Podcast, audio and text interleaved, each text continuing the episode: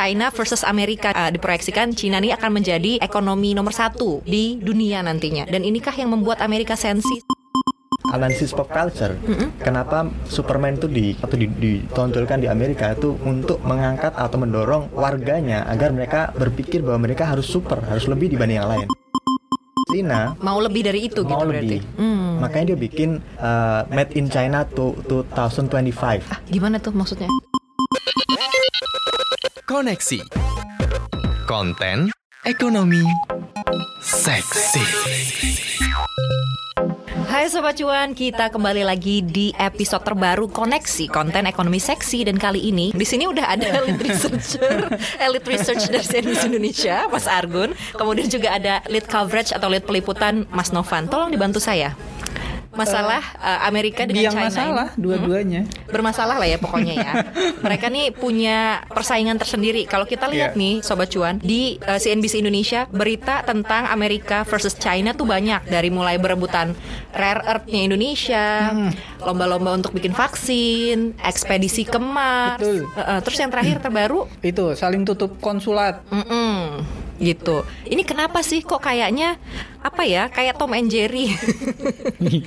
kenapa nih Mas Argun? China versus Amerika nih apakah benar bahwa kan uh, diproyeksikan China nih akan menjadi ekonomi nomor satu di dunia nantinya dan inikah yang membuat Amerika sensi sehingga berusaha sedemikian rupa menyabotase ya Iya. atau menghalang-halangi Cina gitu Hmm, ya. gimana tuh Mas? Iya sekarang ini kan memang kalau kita bicara soal negara adik kuasa itu masih Amerika Serikat dari sisi militer, ekonomi, ter- politik termasuk budaya gitu. Nah Cina ini ternyata bisa menyalip di tikungan gitu. Tidak banyak yang orang bisa menduga mungkin 10 atau 20 tahun lalu sebuah negara yang masih berbasis, berbaris agraris dari Mao Zedong saat itu kan berkuasa tahun berapa? 80-an itu. Tiba-tiba sekarang menjadi negara kedua yang menyaingi Amerika Serikat dari sisi ekonomi maupun militer saat ini juga. Nah, eh, sebenarnya kalau kita ngomongin produk domestik bruto ini kan ukuran ekonomi ya. Kalau Iya. kita ukur ekonomi, aktivitas ekonomi, produksi barang dan jasa di suatu negara, ya larinya ke PDB. Nah, PDB Cina itu sekarang kan di posisi kedua setelah Amerika Serikat. Tapi itu kalau berdasarkan nominal. Hmm. Tapi Oke. kalau berdasarkan eh, purchasing power parity eh, PPP atau apa ya, PPP, ya. paritas dari daya beli itu Cina udah unggul sebenarnya dibandingkan Amerika Serikat. Bedanya apa? Kalau PPP eh, PDB berdasarkan tadi PPP itu mereka melihat eh, nilai uang itu bisa dipakai untuk beli barang-barang di di daerahnya sendiri secara eh, ekonominya sendiri. Jadi misalnya di orang Amerika punya gaji satu dolar, Mm-mm. itu mereka mungkin bisa cuman beli apalah taruh hamburger gitu tapi kalau di Cina nilai uang segitu satu dolar itu bisa beli untuk nggak cuma hamburger Macem-macem. bisa macam-macam Lebih banyak. Gitu. nah jadi itu yang juga dihitung di apa di uh, PPP jadi dia nilainya lebih tinggi. Hmm. jadi kalau secara lokalitas nilai ekonomi Cina lebih besar dibandingkan Cina eh, dibandingkan dibanding Amerika. Amerika. Serikat tapi kalau dibandingkan ya disetarakan dalam dolar gitu ya nominal ya memang dia masih lebih kecil Iya. dibandingkan uh, Amerika Serikat. Hmm. Uh, jadi sekarang kan ada per- uh, perkiraan ya dari uh, data-data itu misalnya dari yang apa tadi. Dari World Bank World tuh Bank kemarin misalnya. tanggal 22 nge-tweet eh, tentang bagaimana ada shifting di apa namanya Ekonomi ya? eh, eh, ekonomi dunia gitu. Bahwa Cina ini berhasil merangsek ya. dari posisi eh, ke-10 ya di tahun 92 kalau ada grafisnya gitu. Ke kemungkinan malah diproyeksikan akan nomor satu katanya di 2024 dua tahun lagi oh iya Dua tahun lagi. eh, Iya tiga benar. tahun lagi ya. Ya hampir ya tiga. ya kurang lebih Tiga heeh. tahun lah. Heeh. diproyeksikan akan seperti itu gitu kalau dilihat Itu dengan kondisi COVID sekarang Nah, gitu, ya. gitu. Karena baru aja di tweetnya. Maksud gue, maksudnya Masih dengan pemulihan kan gitu kali ya. ya. Karena kan Amerika juga sekarang memang lagi parah-parahnya kali. Kayaknya lagi lagi parah-parahnya. Tapi kalau misalnya ngelihat dari sisi ya perlombaannya kan bukan cuma dari sisi Ekonomi. ek- ekonomi kali ya. Iya untuk pamer gengsi lah bahwa siapa sih yang sebenarnya Yang eh, superpower pemimpin gitu ya. pemimpin dunia gitu kan segala macam bisa mempengaruhi banyak banyak banyak negara iya lebih ke situ. Tapi kalau gue ngelihatnya dari sisi Cina kok nggak nggak punya tense gitu untuk meng- merasa dia pengen berkuasa mengatur meskipun dia mungkin di di belakang dia menguasai gitu ya. Maksudnya banyak banyak investor Cina lari ke mana-mana termasuk Indonesia segala macam gitu kan.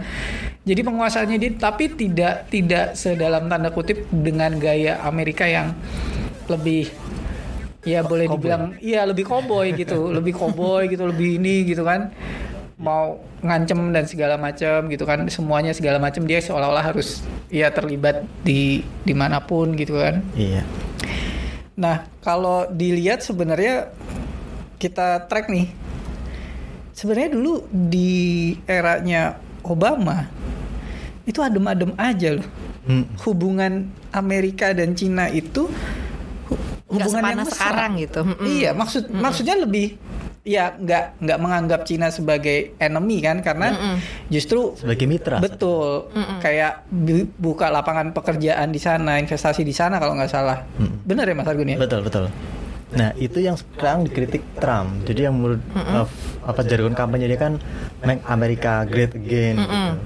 Dia mengkritik pendahulunya Obama dan sebenarnya juga George uh, Bush Junior yang banyak menciptakan lapangan kerja di di China. Dan ini sebenarnya keniscayaan global. Kalau Anda bicara soal globalisasi, kemudian juga uh, uh, arus lalu lintas modal yang bebas. Nah, ketika Cina membuka diri, maka investor Amerika itu sangat tertarik untuk masuk ke China.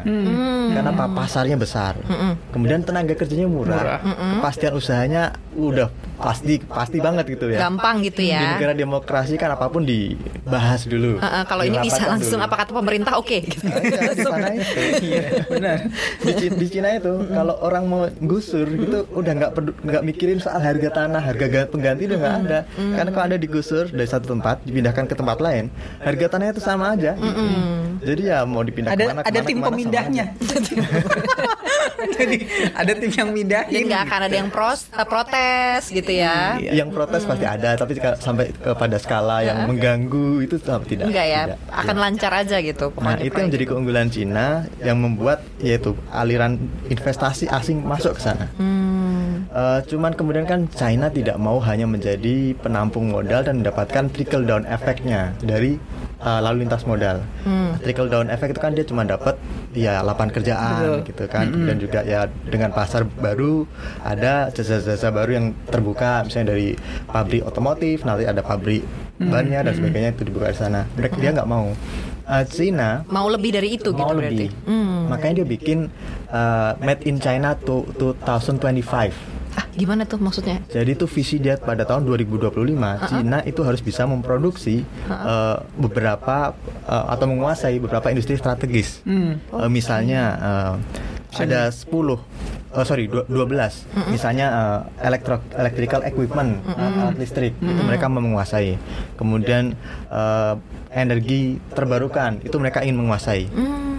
Jadi tidak hanya menguasai uh, pe- pe- pengoperasian pabriknya, tapi juga Bidangnya. mendirikan pabrik sendiri. Hmm. Know-how-nya dia pingin tahu. Kemudian juga kalau ngomongin software, dia pingin tidak hanya memakai software dari Amerika, tapi menciptakan softwarenya sendiri. Meskipun itu imitasi. Meskipun Maksudnya kopi gitu kan. Iya, copycat. Iya. Iya, bukan berarti uh, Kopi to China, pokoknya everything dan kopi to China. Nah itu yang bikin Amerika geram gitu Karena apa yang membuat Amerika unggul dari sisi industri strategis adalah Ya ketika negara lain ingin mengembangkan industri serupa Maka lisensi untuk piranti lunaknya misalnya tetap dari Amerika. Nah Cina ingin membypass itu. Dia ingin menciptakan produknya sendiri Meskipun mimikri atau men- meniru seperti yang di Amerika. Gitu. Makanya ada tuduhan mencuri teknologi gitu ya. Betul. Trump kan menggaungkan itu bahwa itu ya. ah, Iya. Jadi eh, Cina tuh dengan kata lain adalah mau eh, lepas dari apa ya selama ini eh, dominasi Amerika ya bisa dibilang. Ya, ya, bisa dibilang gitu. Jadi ketika dulu aliran modal masuk, ya kan Cina akhirnya gede, industrinya basis Indonesia tumbuh. Dengan segala keunggulannya tadi dia bisa melibas negara-negara yang termasuk kita. Kita banyak produk-produk kita yang gulung tikar karena terserang oleh produk Cina yang lebih murah, lebih bagus dan sebagainya. Eh, tapi kemudian ketika dia mulai masuk ke ranah tadi software, kemudian juga eh, apa namanya eh, mulai merambah ke militer, itu sudah menciptakan ancaman buat Amerika. Hmm. Makanya Trump mulai geram dan dia mengancam perusahaan-perusahaan Amerika untuk balik lagi dari dari dari China. Karena alasannya itu kalian di sana itu diperalat dalam tanda kutip kalian dipaksa untuk transfer teknologi. Sebenarnya istilah pemaksaan transfer teknologi ini agak ambigu gitu. Hmm, hmm, hmm. karena gini kalau China China merasa yang dilakukan adalah sah secara hukum internasional. Iya. jadi dia menciptakan aturan. Kalau anda ingin berinvestasi di negara kami maka pada tahun pertama misalnya anda harus ya me- melakukan alih Teknologi. teknologi, transfer teknologi. Berapa tahap dua tahap sampai beberapa tahun gitu. Itu yang dilakukan China agar mereka tidak ingin menjadi pasar gitu. Mereka ingin menjadi pemain global juga gitu. Hmm. dan apakah ini melanggar hukum? Sebenarnya tidak ada yang dilanggar gitu. Maksudnya kalau Oke. kalau anda nggak mau investasi ya sudah nggak usah masuk kan gitu. Kalau anda nggak suka dengan aturan kami bahwa anda harus transfer teknologi ya silahkan pindah Ke negara lain gitu. Ah. kalau ada yang lebih baik daripada kami daripada China itu sejauh ini nggak ada gitu dari sisi Jadi itu sebabnya perusahaan-perusahaan teknologi di Amerika itu diminta untuk memindahkan pabriknya, produksinya keluar dari Cina gitu kan. betul. Art- supaya ketika inovasi itu datang dari Amerika, mereka nggak terpaksa produksi itu di Cina, lalu kemudian di Di- diambil, di- diambil gitu ya atau di- ilmunya di- dan diproduksi. diproduksi sendiri.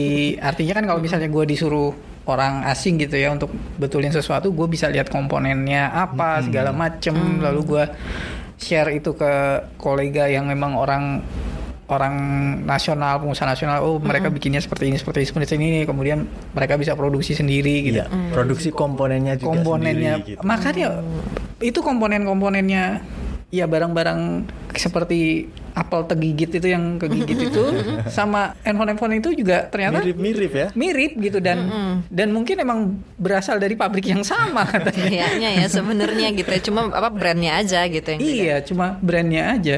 Mas Argun ini mau melanjutkan sih. Tadi kan katanya ada 12 eh, industri ya apa Ya, eh, industri strategis gitu tadi kan baru disebutin dua Oh, iya, iya. Eh, eh, sisanya 10 lagi apa tuh Mas penasaran nih gue oke oke jangan-jangan ini bisa menyikat kita juga gitu kan Iya sih. Sebenarnya semua yang kena sikat karena Hmm. ini industri strategis yang dibutuhkan untuk uh, menjadi negara yang unggul di apa namanya di era revolusi industri 4.0. Hmm. Jadi tadi ya electrical equipment, alat alat listrik, kemudian juga energi terbarukan, energi saving. Hmm. Kenapa energi saving ini penting? Karena atau energi terbarukan penting karena ketika anda bicara soal energi terbarukan, nah ini masuk ke yang selanjutnya ya, ini new materials. New materials itu tanah jarang itu termasuk. Oh si rare earth itu Rare ya earth. Makanya sekarang di Indonesia lagi rame kan rebutan dalam tanda kutip antara Amerika dan China untuk garap rare earth di Indonesia. Eh, kenapa ini penting? Eh, saya baru tiga itu dulu. Eh, kalau anda bicara soal energi terbarukan ini kan energi yang intermittent, ada ada naik turun gitu. oke Turbin angin itu bisa berputar kalau ada angin. Kalau nggak ada ya selesai mati. matahari pun gitu Matahari juga gitu, mendung dikit ya masih bisa menyerap tapi tidak optimal, tidak 100%. Nah, energi terbarukan bisa dipakai kalau Anda punya baterai. Oh. Iya betul. Tanpa baterai percuma. Hmm. Makanya China ingin menguasai ini, tanah jarang, baterai itu dia ingin menguasai itu. Jadi siapa pun nanti yang bisa mengembangkan energi terbarukan silahkan, tapi baterainya dari kami.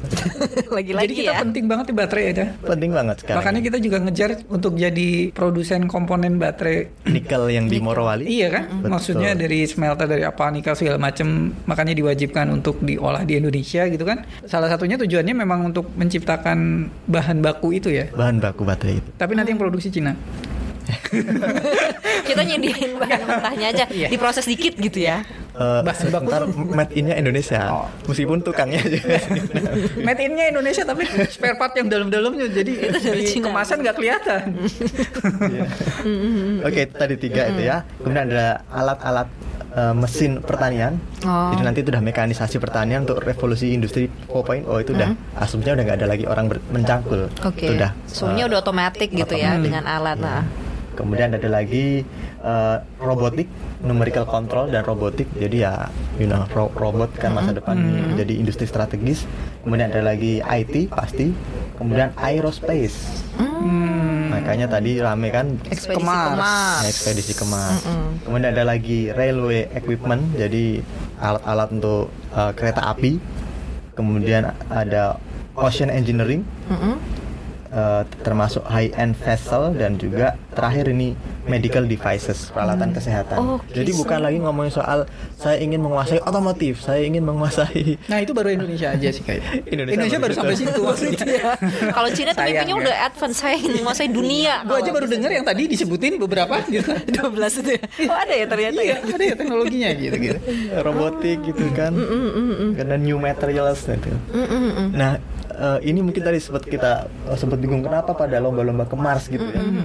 Eh, kalau tem, eh, Mas Nova Ninggal sama Alin ingat kan kita waktu kecil soal buat nonton komik Superman gitu. Nah, pertanyaan, kenapa Superman bisa terbang? Harus bisa terbang. Karena mau ke bulan gak sih dulu mindsetnya bukan ya? Nggak tahu. iya gak sih? Sejarah juga seperti itu. Emang dulu emang Amerika lagi eh, apa saingan sama eh, Rusia. Iya. kan? Ah, sama Rusia. ah. Tapi gini, kalau di eh, analisis pop culture, kenapa Superman itu dikembangkan atau di- ditonjolkan di Amerika itu untuk men- mengangkat atau mendorong warganya agar mereka berpikir bahwa mereka harus super, harus lebih dibanding yang lain, harus seperti Superman. Kalau Superman cuma bisa jalan, dia Sama aja sama super, yang sama lain. yang lain.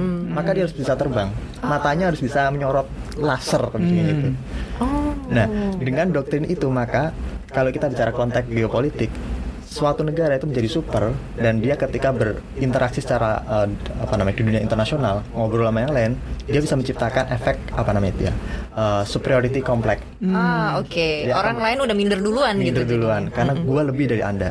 Nah, itulah yang dia eh, sama eh, Amerika lakukan dan Rusia pada saat itu ke bulan. Mm-mm. Jadi mereka yang bisa ke bulan Ternyata mereka duluan. Ya mereka duluan dan mereka bisa menunjukkan bahwa saya udah ke bulan loh. Nah sekarang gini saya akan ngajari anda untuk nah, nah, nah. Ah. dia udah super, dia udah Superman. Yang lain masih rakyat jelata. sekarang mainnya nggak cuma bulan, Mars. Mars. Jadi siapa yang nanti lebih super, lebih unggul di sini? Ini jadi pertarungan apa ya? Simbol untuk hubungan internasional juga. Hmm.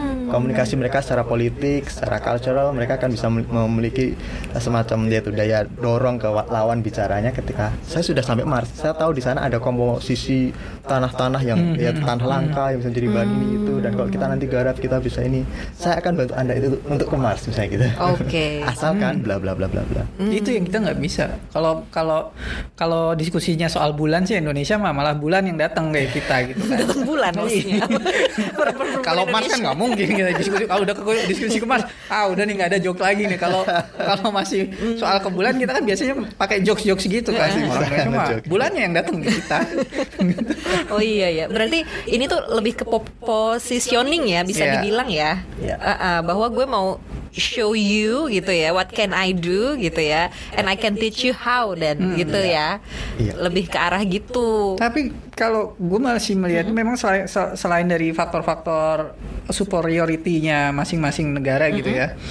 eh, kalau dilihat memang eh, ya untuk kasus yang beberapa hari terakhir ini memang terlihat Amerika yang lebih agresif untuk Iya. Cina begini, Cina begini, Cina begini, begini, begini gitu kan. Sementara ya Cina mungkin sifatnya membalas atau dalam tanda kutip masih masih play defensif lah kalau kalau dilihat dari sisi responnya Amerika lebih gitu kan. agresif gitu lah ya itu. Iya. Karena mempertahankan Iya, karena dia posisi mau nomor satu. mempertahankan posisinya segala macam gitu kan.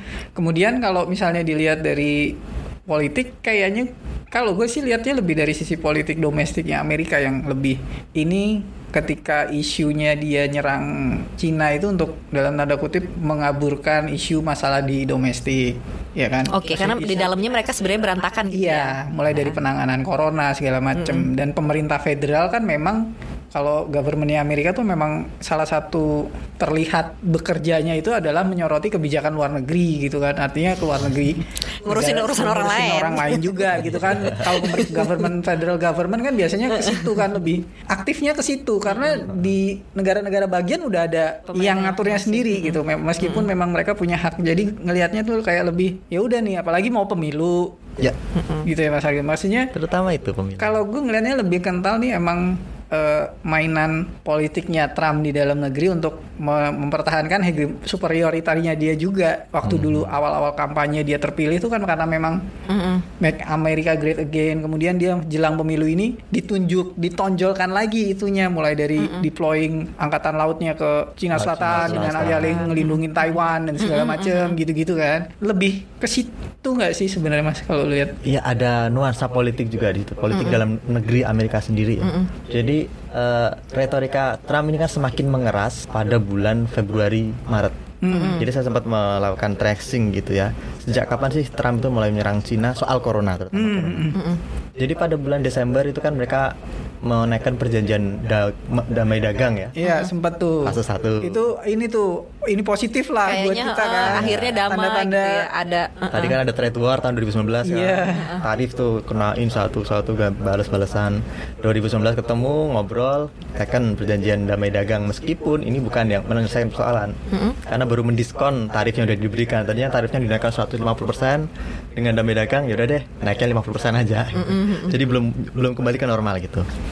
Bulan Januari eh, mulai ada kasus di Wuhan tapi belum eh, di- belum menyebar ke luar negeri itu masih di Wuhan doang.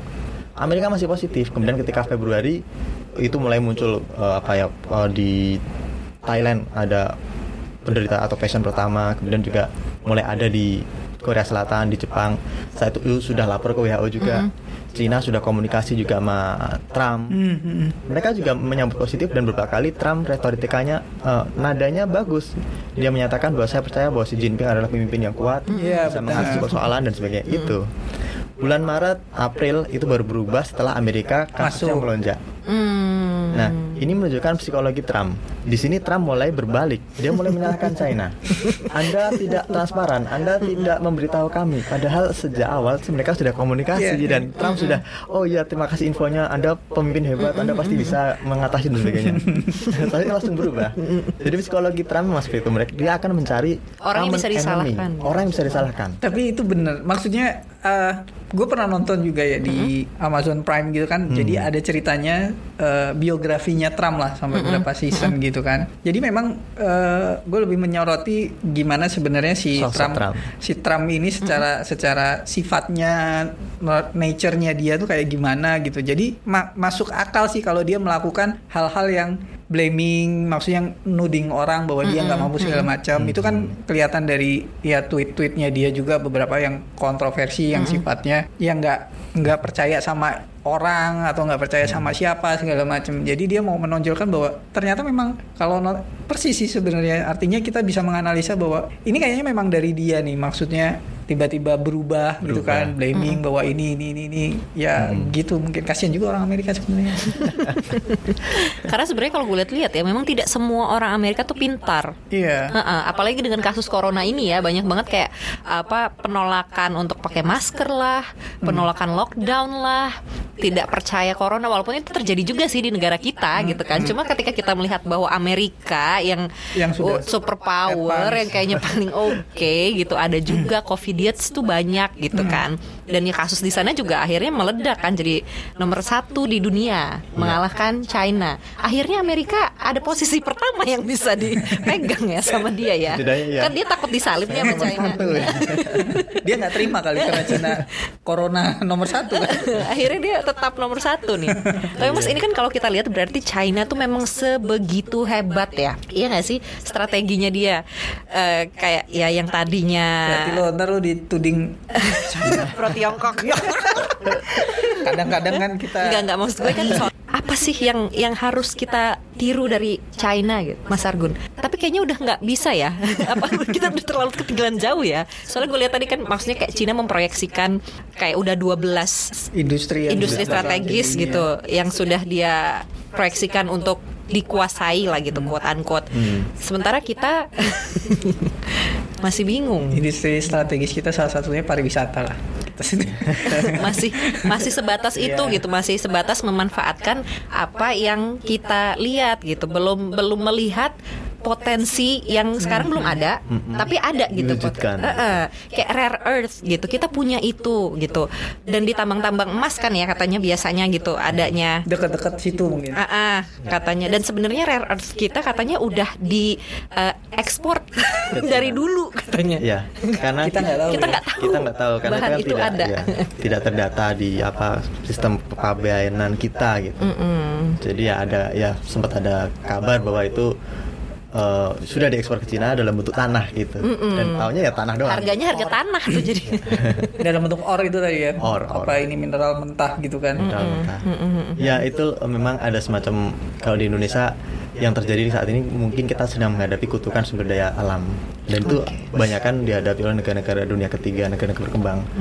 Jadi tipikal negara berkembang adalah dia kekayaan alamnya sangat-sangat besar. Eh, Tapi nggak bisa kaya. Iya, jadi seorangnya malas gitu. Iya. Beda dari negara-negara yang sejak awal struggling kalau ibaratnya negara empat musim itu kan. Iya. Kerja harus cepat karena kalau enggak nanti udah keburu musim dingin gitu. nggak bisa lagi kerja. Ya, mereka pakai empat bulan harus selesai satu proyek misalnya. Nah, di Indonesia kan nggak enam bulan kan, enam bulan panas, enam bulan hujan. Ya, akhirnya ya secara mental ya ada analisis kultural nggak menyebutkan bahwa itu yang membuat kita jadi kurang terpacu untuk bersaing dengan Dari sisi eh, produktivitas dari gitu sisi juga. produktivitas Eh, dan itu ketika sumber daya alam terlalu banyak maka kita mengandalkan menjual sumber daya alam itu secara mentah karena kalau udah jual mentah aja kita kaya ngapain harus susah payah Diolah gitu. lagi gitu ya, maksudnya ngapain? gini kalau saya bisa kaya dengan hanya duduk ngapain saya harus kaya Mengolah. dengan nyangkul gitu nah itu loh sikap mental itu kan ini bukan nggak hanya Indonesia artinya ini semua orang di seluruh dunia sikap mentalnya sama ketika anda berada di posisi yang nyaman maka di situlah anda biasanya tidak mau atau tidak terpacu untuk berkembang. Justru ketika Anda masuk di situasi yang tidak mengenakan atau sulit, di situlah Anda tertempa untuk berkembang lebih cepat. Iya. Nah sayangnya di Indonesia ini ya sebenarnya bisa diubah, bisa direkayasa ini uh, uh, cul- cultural change. Tapi kan perlu agen dari pemerintah gitu, lewat pendidikan, lewat uh, kerjasama dari sisi uh, apa namanya industri gitu. Yang- gede, perusahaan gede ngajak yang kecil untuk sama-sama bergerak ke sektor industri yang strategis misalnya. Tapi kan kita PR-nya banyak gitu. Jadi sebelum mengarah ke sana dulu zaman Pak Harto sudah arahnya jelas. Apa yang dilakukan Pak Harto itu mirip dengan dilakukan Cina dulu. Hmm. Jadi GBHN kita dulu itu sudah ada zaman lepas landas, kemudian zaman Masih inget apa- gak GBHN ini? gue belum lahir kayaknya. Tapi gue tahu kepanjangannya Oh, iya. garis besar haluan negara. Iya. Di Cina juga memiliki itu dan mereka jauh lebih efektif. Jadi ketika mereka bikin garis besar ini yang Iya. China tua- 2025 itu langsung juklak juknisnya itu udah sampai ke tahap sampai ke RT ibaratnya di sana.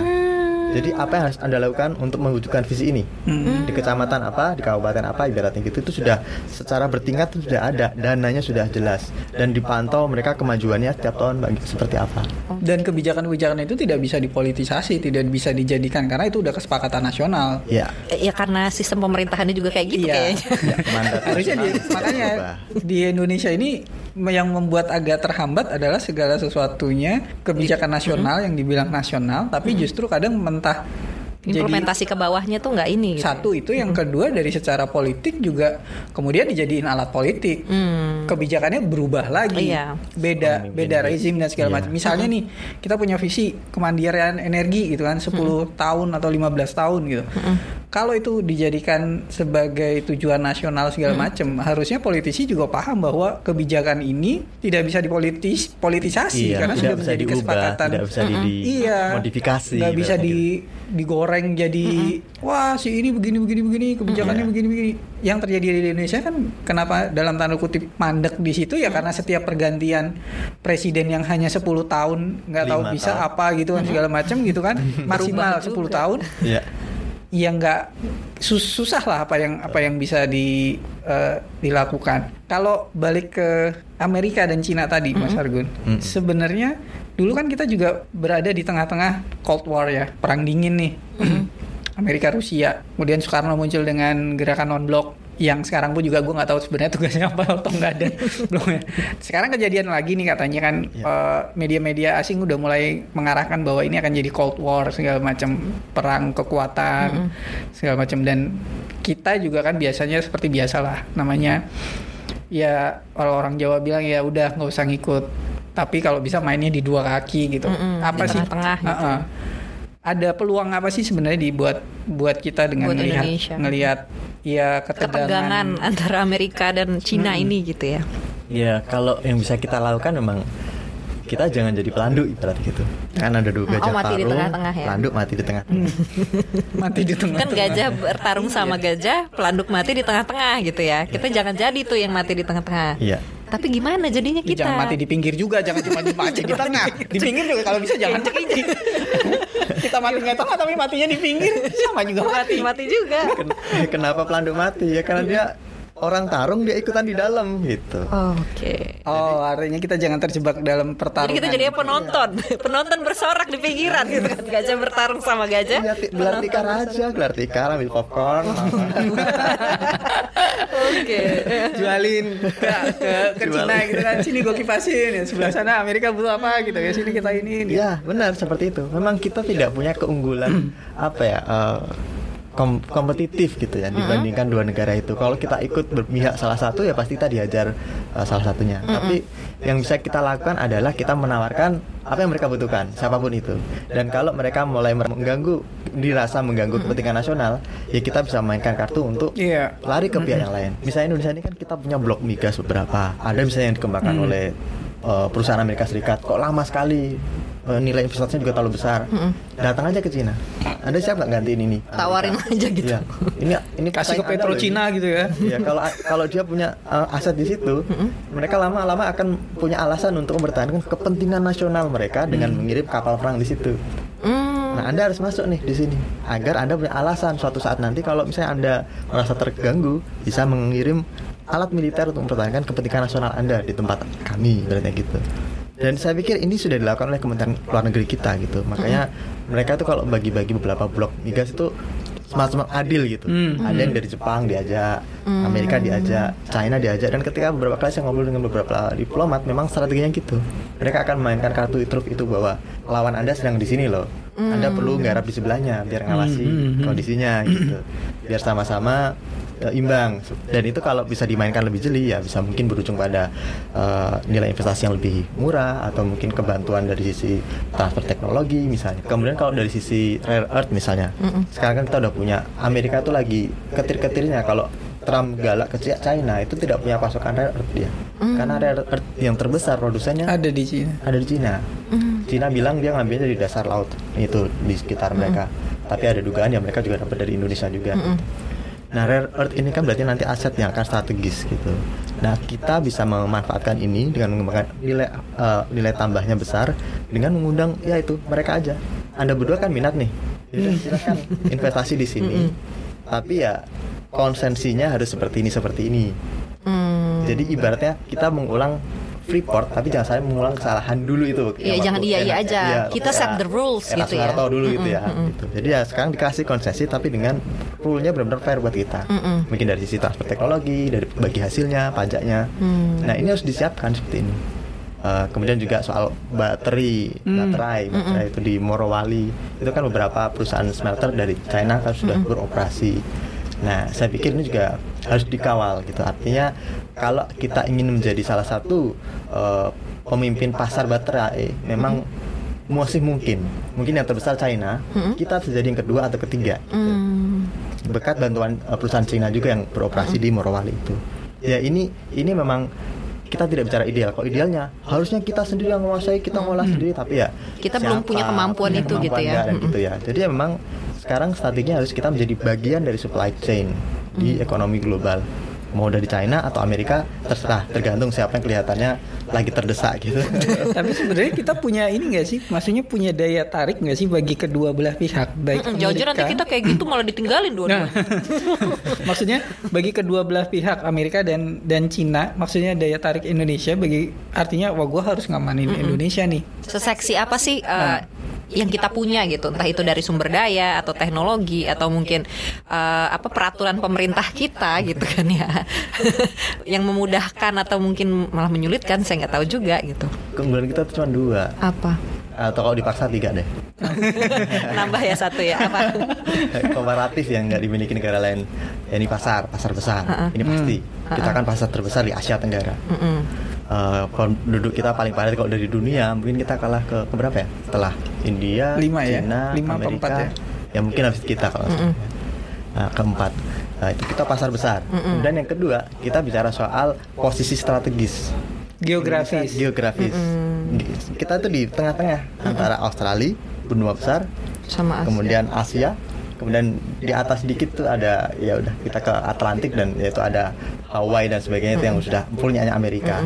Jadi ya kalau kalau kita bicara soal persimpangan itu kita di persimpangan rame hub gitu saja. Tapi yang sekarang bicara hub ya yang bisa manfaatkan memang Singapura. Indonesia idealnya seperti itu. Tapi sekarang minimal kita punya ke keunggulan dari sisi sisi, sisi natural demikian. Bener tuh berarti kita di tengah. Di tengah gajah. Hati-hati ya. Aduh, Itu kan dua tuh tadi ya pasarnya besar, kemudian Iya. lokasi kita strategis gitu ya. Kalau ibarat ruko nih mahal nih kita lokasi strategis. Iya. Terus yang ketiga yang tambahan apa yang Mas? maksain tadi. yang agak maksa ya kita bisa dibilang em, ya apa ya penduduk muslim terbesar ya kan Oke, jadi itu mungkin mm-mm. orang Menjembatani dua peradaban yang akan- berbeda. dua peradaban yang ketika ya ini mungkin masih agak aduh agak terlalu jauh tapi ya orang kadang mem- melihat itu gitu kalau Indonesia akrab dengan saya maka saya akrab dengan dunia Islam Tapi gitu. iya, tapi kan memang di bukunya yang Clash Clash of of Civilization itu memang bicara masalah peradaban kan. Artinya tiga peradaban penting yang akan yang bukan yang akan clash sih gue nggak nggak mengharapkan Iya. itu sebenarnya clash gitu kan. Tapi peradaban besar yang mungkin akan memainkan peran ya ya. ya Barat kemudian Muslim dan juga kemudian dari eh, Tiongkok, Tiongkok. ini dari Cina ini gitu. Memang ada ada ada potensi clash setelah tidak adanya eh, paham ideologi lain yang menjadi musuh bersama. Jadi com- common enemy dulu ceritanya. Common enemy-nya kita apa warga dunia tuh dulu komunis, Komunis. gitu kan segala macam Rusia saat itu, Rusia Soviet. pada saat itu kan dianggap sebagai common enemy segala macamnya ketika komunisnya itu sudah selesai udah Nggak selesai ada. nggak ada cari lagi. seolah-olah memang untuk menyatukan dunia ini nih harus ada common enemy gitu loh Hmm, harus ada Thanos ya yang, yang diperangin bareng-bareng. Thanos dari Mars iya sih. Ya itu, itu aja sih keunggulan kita yang mungkin bisa kita jual gitu ke mereka. Gitu. di luar itu I'm sorry sisi apa? Peraturan regulasi aduh apa sendiri kan. Macam lence itu. soal uh, teknologi aduh ya kan? Kalau soal bakat min, bakat person per person banyak orang Indonesia tuh pinter tapi kan nggak dikasih tempat. Nggak ada apa namanya kolamnya. Ya mereka ke kolam orang lain. Mancing di tempat lain. di Hollywood kita banyak kan beberapa Iya. ini pekerja kita di sana ya di Di Eropa juga Eropa. banyak. dan Mongolia Mongolia tambang emas itu itu orang-orang Indonesia Oh iya. iya jadi mereka nggak ya tadinya dari Freeport gitu terus akhirnya ke sana gitu. padahal di Indonesia banyak kan tambang emas yang bisa dikembangkan tapi sejauh ini kalau gue lihat dari dari tensi antara Amerika dan Cina ini yang nggak tahu posisinya masih Eropa masih belum maksudnya mereka nggak nggak ambil posisi juga ya artinya kayaknya Apa karena sudah semapan itu sih Terlihat. Eropa gitu kan kalau kita lihat terlihat kayaknya ya yang mereka aja. peduliin adalah sebenarnya impact ekonomi gitu loh. Kalau dua gajah ini eh, berantem gitu kan impact ekonominya karena karena kita udah globalisasi saling ketergantungan antara segala macam trade-nya juga udah ini impact ekonominya yang sebenarnya yang yang disayangkan kasarannya lu kalau mau berantem berantem saya tapi kalau misalnya nggak ada impact ekonominya sih ya mungkin dari sisi kalau dilihat sih petanya sih maksudnya eh, stance-nya mereka tuh lebih mengkhawatirkan itu kayaknya ya. Iya, ya meskipun mereka kan ya sebenarnya kalau di politik blok barat, gitu, Iya. bloknya Amerika. Tapi sepertinya kalau saya lihat Amer- eh, Eropa itu memainkan peran dia ingin jadi mediator gitu. Mereka tidak ingin kelihatan mendukung Amerika secara langsung, tapi berarti kalau ada ada kalau di apa namanya kebijakan tuh kan ada kebijakan stick and carrot gitu. Iya. Yang mukul-mukul, yang yang yang yang apa keras. Itu saat ini Amerika. Amerika nyerang satu dua tiga. Tapi carrotnya sekarang kayaknya dipegang sama Eropa. Jadi Eropa misalnya ya berusaha memberikan insentif gitu kan ke China untuk misalnya mau menghapuskan kebijakan atau kewajiban transfer teknologi itu misalnya. Eh, dan buntutnya memang mereka kena juga kan sebenarnya kayak Huawei itu kan tadinya mau garap eh, ini IT-nya di Inggris. Iya. Amerika Trump marah-marah akhirnya dibatalin. Nah itu tadi menjelaskan kenapa Huawei yang diserang terus tuh Iya, Huawei karena iya. itu teknologi itu ya. teknologi. Karena kita bicara software dan sebagainya.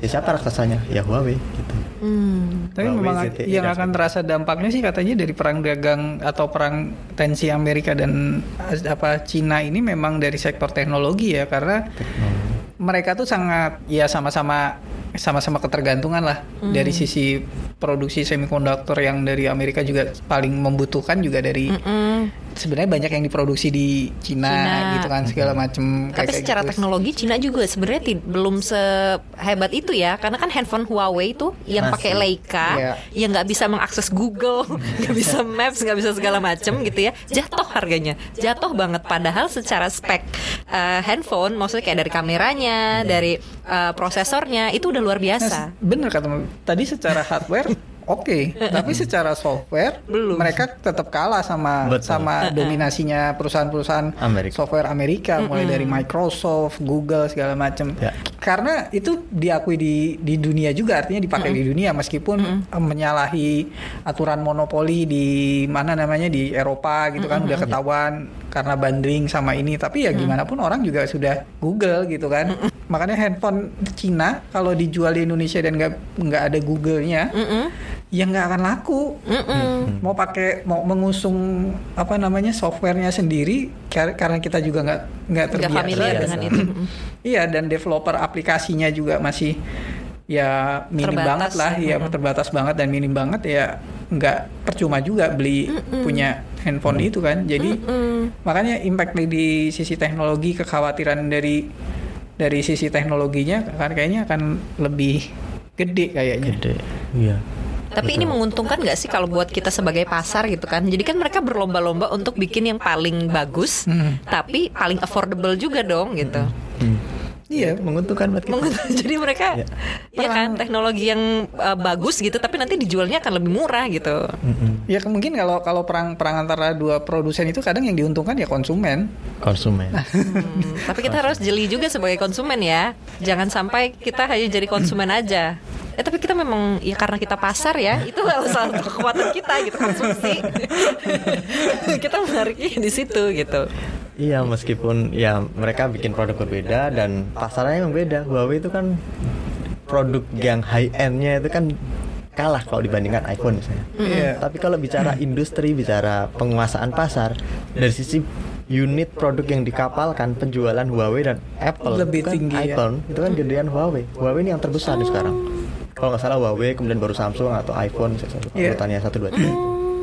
Nah, kalau tapi dari sisi nilai, dari sisi value, misalnya uang yang didapatkan dari penjualan itu, iPhone masih masih ya masih bisa dibilang unggul karena produknya mungkin le- lebih dikit yang dikapalkan dibandingkan produk Huawei, tapi, Tapi harganya lebih, tinggi. Ya Lebih mungkin itu yang Mahal. lebih mahal. Nah, mungkin Amerika makin ketar-ketir dengan itu tadi Made in China 2025 karena kalau China sudah bisa bikin software semua Hmm, misalnya selesai. pengganti io- iOS itu Iya. Google tuh bisa digantikan juga sama dia. Ganti Android ya. Udah kita nanti akan mendapatkan produk Cina murah eh, kemudian sistem operasinya mirip dengan yang di iPhone atau di smartphone Android. Dengan semuanya ya mungkin namanya ya apalah Apa. apa, yang dari China tetapi sama persis Google Map-nya apa di sana map apa China Map atau apalah gitu Dan makanya mereka startnya dari dalam negerinya kan. Artinya Karena di memang dalam di, negerinya ah, nggak- kalau di nggak dalam negeri itu kan. Cina eh, mereka punya Facebook sendiri, Iya. mereka punya Weibo. Google Chrome sendiri, itu untuk sendiri, membiasakan ah. membiasakan warganya untuk menggunakan aplikasi dalam aplikasi dan eh, operating sistemnya dari mereka sendiri dari mereka sendiri. Ya paling nggak di Cina aja ada berapa miliar penduduk kan. Kalau misalnya mereka udah settle pakai itu aja paling nggak pasarnya pasarnya juga penduduknya mereka sendiri minimal kayak kayak kalau aja kita, kita bisa seperti itu sih. Dan pasti sangat bisa. Ya ibaratnya kalau udah, udah bisa diap- diaplikasikan oleh semua orang artinya bahasanya udah Indonesia misalnya yang kita nggak udah nggak tahu lagi ini produk atau software Cina Amerika atau Eropa kita udah nggak peduli. TikTok misalnya orang taunya dari mana? Kita- saya awal-awal juga milihnya mikirnya oh itu dari Amerika mungkin gitu. Jadi kan dari China kan? Iya.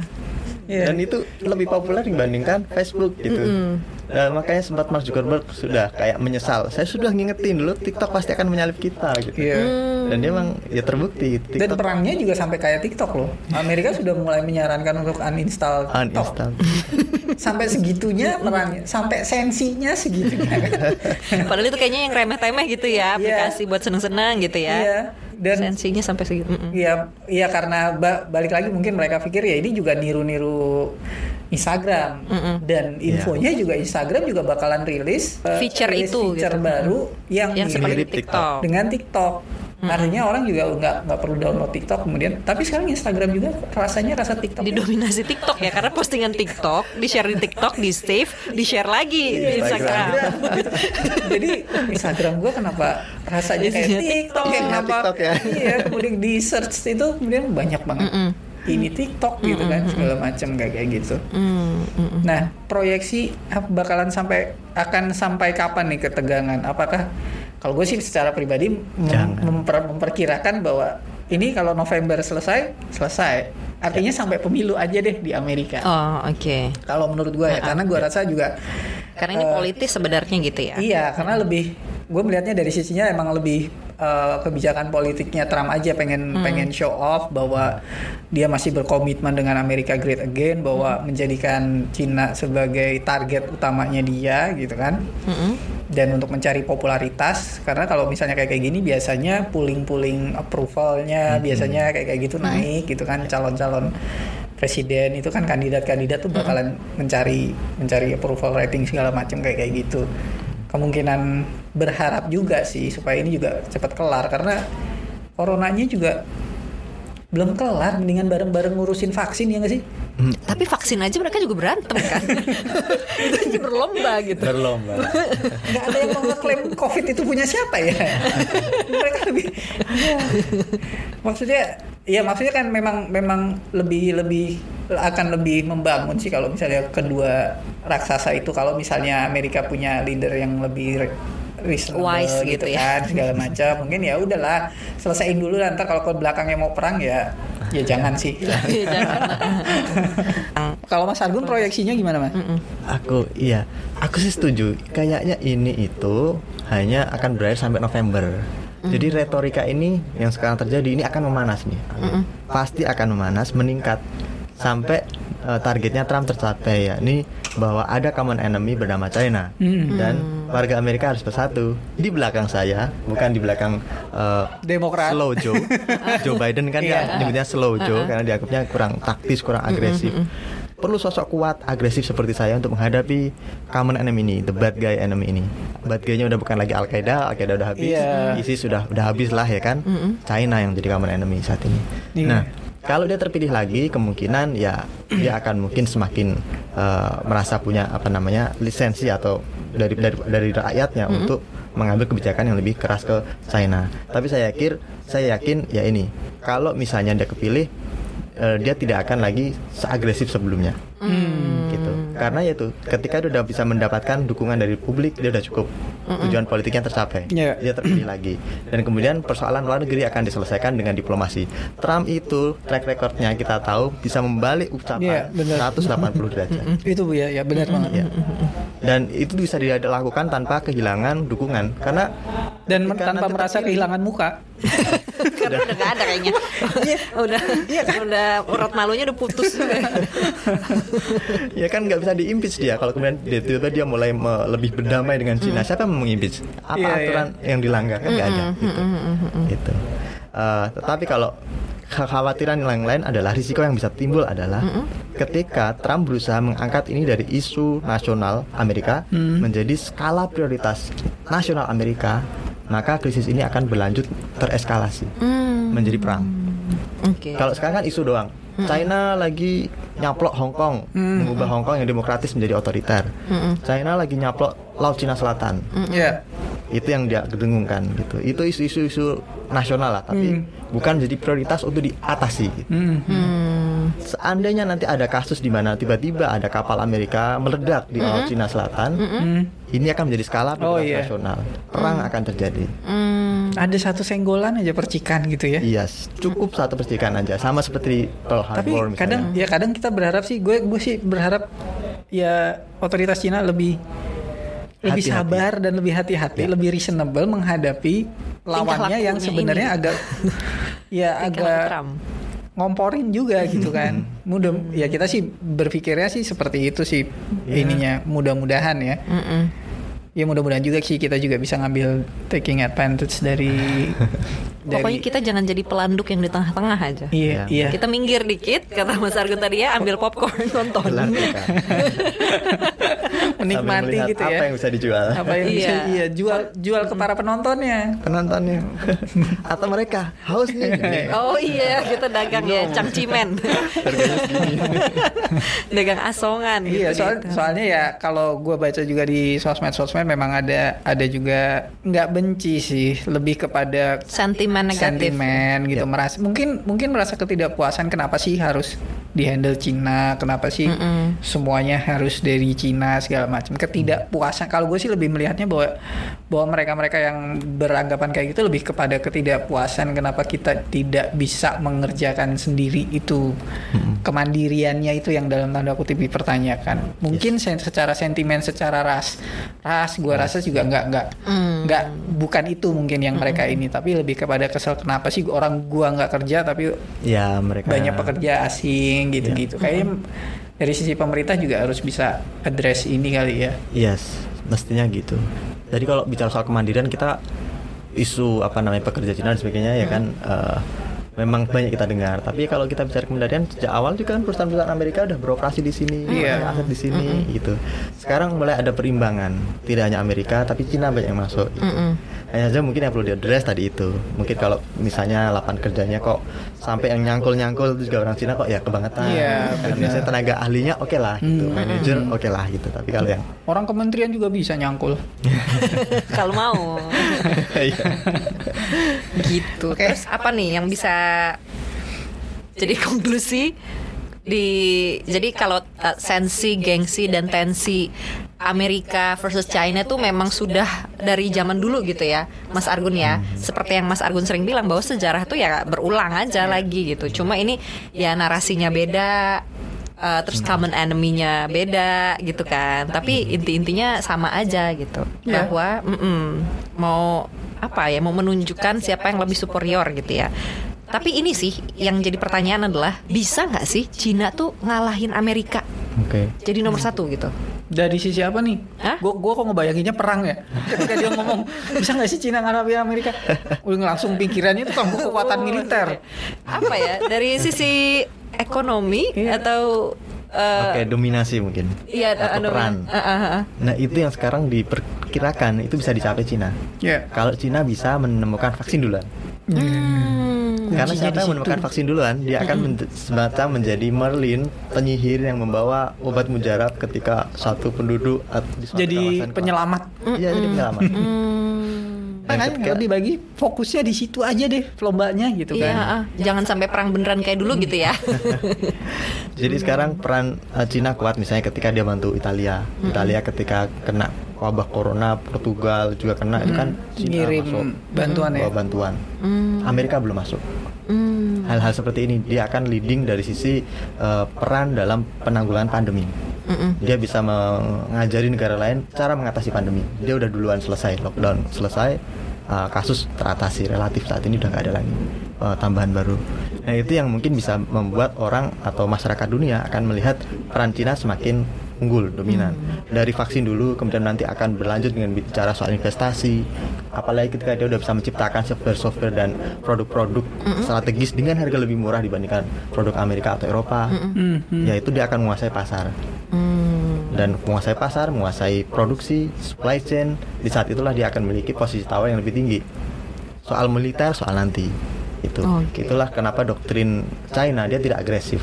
Kalau Amerika kan doktrinnya agresif. Kita melakukan pelayaran untuk menjamin kebebasan navigasi. Padahal itu masuk pekarangan rumah orang gitu, Iya. gitu kan. Kebebasan navigasi Ini kan Atas kurang nama ajar sebenarnya kan. gitu ya. ya itu dia ekspansif eh, agresif kebijakan luar negerinya Amerika Eh, tapi Cina enggak dia tidak punya pangkalan militer Iya. di negara lain Hmm.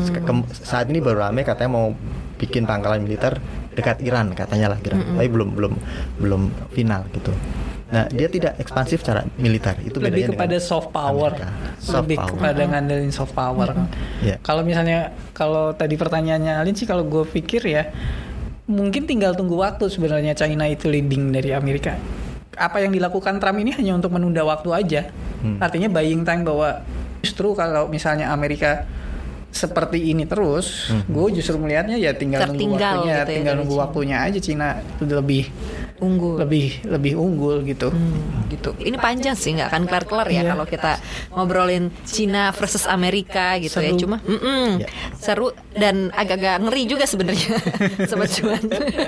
Ya, makanya nanti volatilitas di pasar saham itu juga masih akan tinggi mungkin sampai November Iya. nanti. Apalagi kalau belum ada vaksin. Vaksin kemungkinan baru selesai Desember paling cepat kan ya.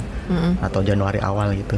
Ya, Itu mungkin semua kondisi akan berbaik bullish semuanya. Tapi kalau sebelum November ya volatilitas akan uh, tinggi ya teman-teman kalau misalnya pegang saham ya sesuaikan saja dengan strateginya. Atur nafasnya gitu. Yang ya. pasti pas eh, tidak akan ada perang dalam waktu dekat. Mungkin November pun eh, kita akan melihat skala apa namanya retorika meninggi di Amerika, tapi saya yakin tidak akan sampai apalagi perang Pecah ya. perang gitu. Kalaupun ada perang itu tadi, misalnya ada insiden besar dan saya yakin Cina pun sudah berhitung mereka tidak akan melakukan hal itu. melakukan hal itu. Mereka ingin menguasai soft power bukan eh, tadi hard power yang kayak disebutkan Mas Novan. Mm, mm, mm, mm. Udah nggak perang dunia kayak zaman dulu ya. Mungkin orang-orang zaman dulu pikirannya tuh belum panjang gitu. Kalau orang-orang zaman sekarang tuh masalahnya udah banyak. Ada isu lingkungan lah, ada isu ini Iya, itu global gitu. warming. Eh. Jadi ketika mau perang fisik gitu ya, itu banyak lah pertimbangannya gitu. Semoga aja ini juga perbincangan kita kali ini eh, bersama Mas Argun dan juga Mas Novan di koneksi episode Cina versus Amerika ini bisa membuka wawasan eh, sobat cuan gitu ya. Jadi eh, apa sih sebenarnya duduk permasalahan Cina sama Amerika ini gitu. Kita eh, balik lagi nanti ya di ep- eh, minggu depan di episode koneksi lainnya. Terima kasih Mas Novan. Thank you. Terima kasih Mas Argun. Terima kasih sobat cuan. Dah. あっ!